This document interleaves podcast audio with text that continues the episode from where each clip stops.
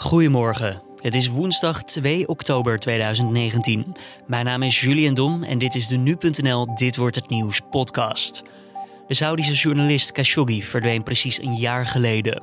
Khashoggi had veel kritiek op zijn regering en het vermoeden bestaat dat hij daarom om het leven is gebracht toen hij een Saudisch consulaat betrad. Het was wereldnieuws. Onlangs stelde de Saudische kroonprins Mohammed bin Salman verantwoordelijkheid te nemen. Een charme-offensief wat mogelijk ook nog zou kunnen werken. Uh, verwacht ik dat hij hiermee toch weg gaat komen. En dat het dus ook in internationaal uh, perspectief voor hem niet al te veel grote problemen zal blijven opleveren. Straks meer daarover met Paul Aarts, Midden-Oosten-deskundige van de Universiteit van Amsterdam. Eerst het belangrijkste nieuws van nu. De Haagse wethouders Richard de Mos en Rachid Gernoui treden tijdelijk terug.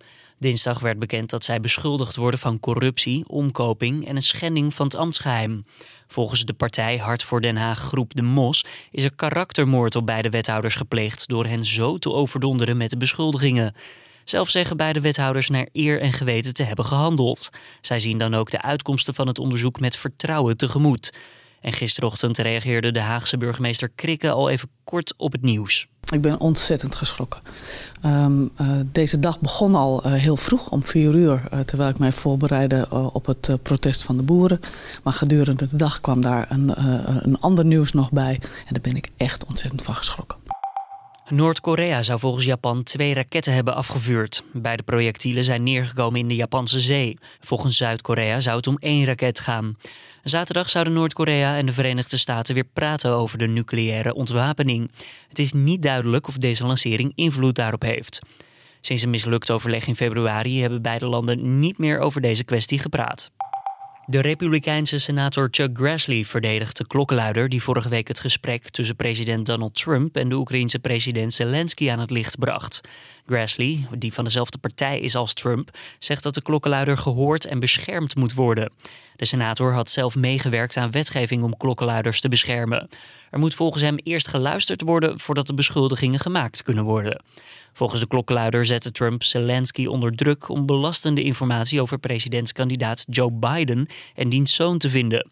Als drukmiddel daarvoor zou Trump ongeveer honderden miljoenen dollars aan steun voor Oekraïne hebben achtergehouden. Het televisieprogramma Opsporing Verzocht heeft nieuwe beelden uitgezonden waarop te zien is hoe een politieagent wordt neergeslagen tijdens een trouwstoet in Rotterdam. De beelden zijn gemaakt op 30 augustus, toen de agent in gevecht raakte met meerdere bruiloftsgasten. Door een harde klap van achteren raakte de agent bewusteloos. De dader is nog altijd niet gevonden. Enige tijd geleden deed de agent al zijn verhaal in het televisieprogramma Jinek. Ja, ik, moet, ik moet zeggen, kijk, ik vind zijn gedrag... Ik, um, ja, dat schaak een beetje in de categorie lollies pikken van een meisje van vier. Hè. Die, die, die, ik ben druk bezig aan het, aan het, ja, aan, aan het vechten met, die, met die, die gast die ik aanhoud. Er staan alle mensen om je heen druk te doen en dan komt die stiekem op je af, heel zachtjes, dat je het niet kan horen. En nou, dan slaat hij van achter zonder dat je het ook nog kan zien. En dan volgens rent hij keihard weg, dat ook als je wakker wordt, dat hij, dat, dat ook niet gezien kan worden. En dan het gesprek van deze dag. Vandaag is het een jaar geleden dat de Saudische journalist Khashoggi verdween tijdens een bezoek aan het Saudisch consulaat in Istanbul. Hij ging daar naar binnen om het een en ander te regelen voor zijn nieuwe huwelijk. Hij wilde namelijk papieren voor een echtscheiding ophalen. Khashoggi was eerder al bij het consulaat langs gegaan en toen kon hij daar niet terecht. Er werd hem toen verteld om later terug te komen en later was 2 oktober 2018. Er wordt algemeen aangenomen dat de journalist die kritisch was op Saudi-Arabië is gemarteld en vermoord. De Saudische kroonprins Mohammed bin Salman zou de hand erin hebben gehad, maar de kroonprins ontkent. En vooralsnog is er niemand veroordeeld in deze zaak. Did you order the murder of Jamal Khashoggi? بلا شك لا Absolutely not. This was a heinous crime. But I take full responsibility as a leader in Saudi Arabia, especially since it was committed by individuals working for the Saudi government.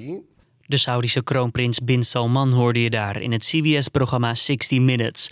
We praten over deze zaak met Midden-Oosten-deskundige Paul Aarts van de Universiteit van Amsterdam.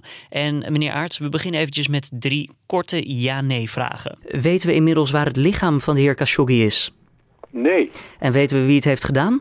Uh, ja. En weten we ook wie opdracht heeft gegeven tot de moord? Niet 100% zeker. Laten we erover praten, want u zegt we weten wie het heeft gedaan. Welke naam komt dan naar boven? Uh, het zijn een aantal mannen die uh, uh, waarschijnlijk een opdracht van de kroonprins van Saoedi-Arabië, Mohammed bin Salman, dit hebben gedaan. Maar ik zeg met nadruk waarschijnlijk, omdat we geen 100%, dus geen sluitend bewijs hebben daarvoor. Maar dat het gebeurd is door mensen in dienst van de Saoedische overheid, dat is 100% helder, ja. De kroonprins Mohammed bin Salman die, heeft ook gezegd dat hij volledige verantwoordelijkheid op zich neemt. Wat moeten we daaronder verstaan? Ja, ik heb die uitspraak gezien in het interview. Het is een beetje een merkwaardige zinsnede om dat te gebruiken. Want hij zegt dus enerzijds, uh, ik ben de sterke man in Saoedi-Arabië.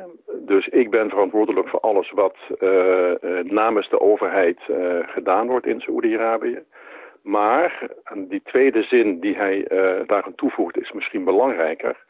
Ik heb zelf niet de opdracht gegeven. En dat zijn natuurlijk twee dingen die met elkaar minstens in tegenspraak zijn en wel heel erg wringen.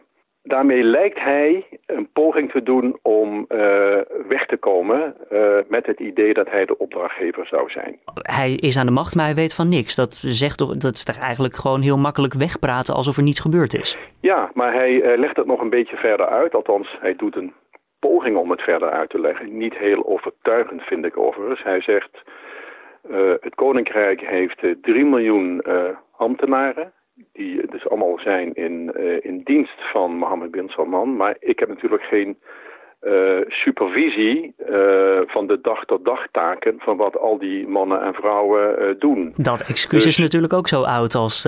Dat is zo oud als Methuselem en dat is dus ook totaal niet geloofwaardig. Maar ja, hij doet een poging en hij um, zit natuurlijk erg in het nauw. Dus dat interview wat hij gegeven heeft, is daar een, een, een volgende stap in geweest om toch maar via een soort, ik noem het maar een charme-offensief, toch weer een beetje meer salonveeg te worden, in de hoop dat daarmee het debat uh, weg-ebt. In hoeverre kan, kan er gesproken worden over dat deze uh, Bin Salman te vertrouwen is in wat hij zegt? Lastig, lastig. Nee, ik weet dat uh, um, kritische stemmen met name in het buitenland, want alleen in het buitenland kun je nog kritisch zijn over Saoedi-Arabië, niet meer in het binnenland, dat ze hem inderdaad wegzetten als een, uh, als een uh, pertinente leugenaar. Uh, dat is inderdaad, tot op grote hoogte is dat waar. Zeker als het gaat om gebeurtenissen rond de oorlog in Jemen, die nu al 4,5 jaar duurt, met gruwelijke consequenties voor de Jemenitische bevolking. En dat geldt ook zeker voor de uitspraken die hij gedaan heeft over dissidenten in Saoedi-Arabië zelf die in de gevangenis zitten. Daar uh, berichten mensenrechtenorganisaties heel anders over dan Mohammed bin Salman zelf dat doet. Ja, dus, oftewel, we moeten het wel enigszins met een korrel zout nemen wat hij vertelt. Nou, uh, niet een korrel, wel meer dan een korrel. Ja. Een zak. Ja, nou ja, zak wil ik niet zeggen. Maar uh, we, moeten, we moeten wel uh, goed opletten wat hij zegt en uh, scherp blijven. Want hij probeert toch, zoals ik het er straks al zei, hij probeert toch via een charme-offensief um, dingen die uh, niet deugen om die recht te praten. En dat is niet heel overtuigend, althans niet voor ons. Maar ik, ik vrees, en dat is misschien belangrijk om te zeggen, ik vrees dat dat wel overtuigender is voor andere mensen, met name in Saoedi-Arabië zelf en in uh, sommige van de omringende landen. Want wat betekent dit nou voor de internationale betrekkingen? Eén jaar na de dood, uh, er is nog altijd niemand eigenlijk berecht. Uh, niemand die daadwerkelijk heeft gezegd, ik heb het gedaan en ik accepteer een celstraf of wat dan ook. hoe wordt dit internationaal dan nu opgepakt, een jaar na dato?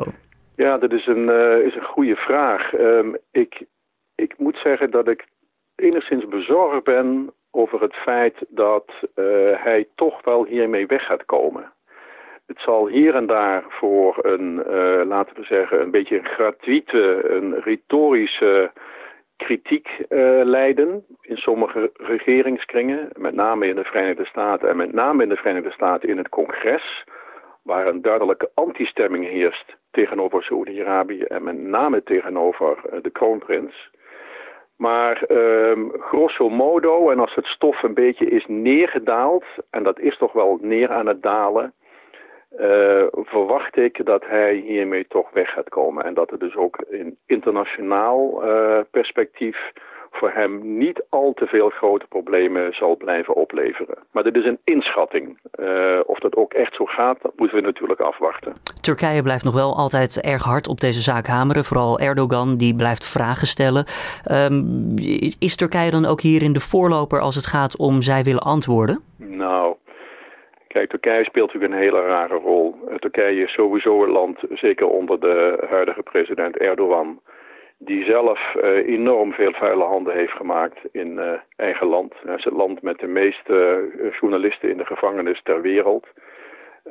behoorlijke onderdrukking van alle mensen die hem niet naar de mond praten. Dus hij is niet, zou ik zeggen, de meest geëigende figuur om kritiek te hebben op de mensenrechtenpolitiek van een ander land. Laat ik het dan zo zeggen, zou het moeten zijn dat het Westen eigenlijk meer kritiek uit dan Turkije op dit moment?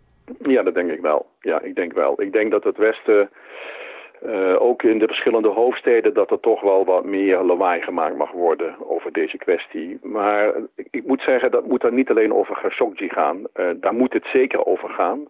Maar dat moet, uh, ik denk, nog meer gaan over de oorlog in Jemen. Want dat gaat om vele malen grote aantallen slachtoffers die daar dagelijks vallen.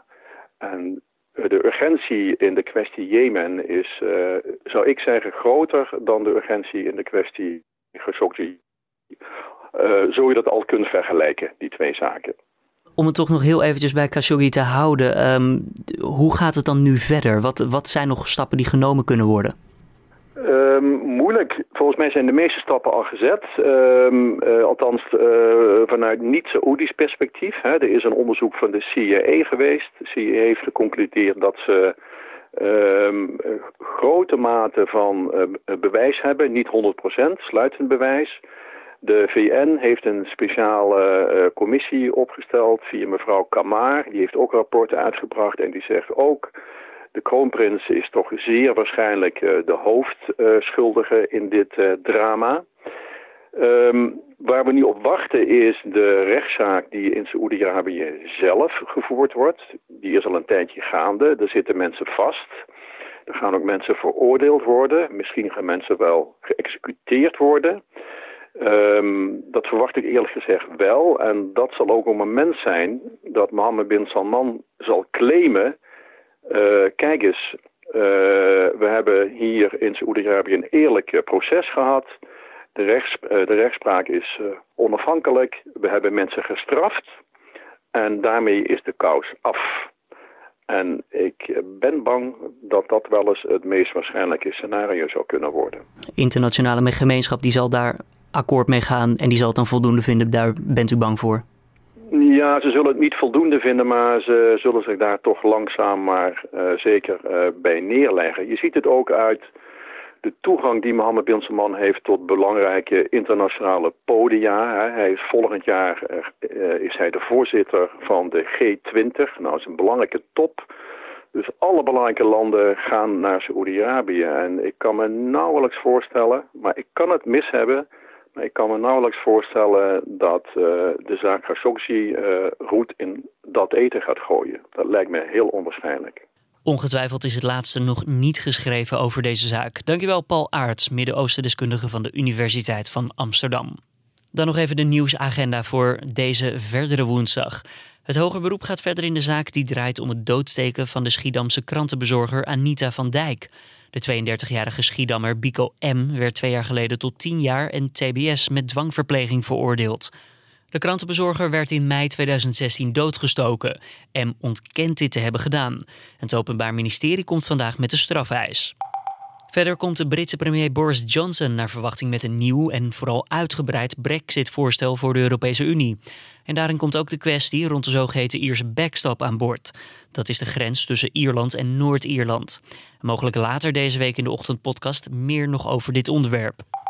En Ajax neemt het vanavond in de tweede groepswedstrijd van de Champions League op tegen Valencia. De Amsterdammers wonnen het eerste duel met 3-0 van Lille. En ook de Spanjaarden begonnen met winst door Chelsea met 0-1 te verslaan. Bij Valencia komt Ajax een oude bekende tegen, namelijk keeper Jasper Sillissen. Tussen 2011 en 2016 stond hij onder de lat bij Ajax. De wedstrijd tussen Valencia en Ajax in Estadio Mestella begint om 9 uur vanavond. En dan nog even het weer. De woensdag begint droog met van tijd tot tijd zelfs wat zon. Voor de verandering zou je kunnen zeggen. En tegen de middag neemt vanuit het noordwesten de buiigheid weer toe, waarbij ook onweer kan ontstaan.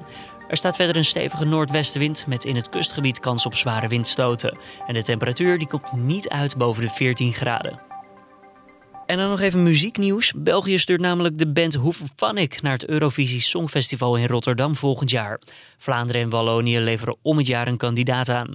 Hoeverphonic bereikte de Nederlandse hitlijsten, onder andere met een nummer zoals Math About You. Laten we maar even een stukje luisteren.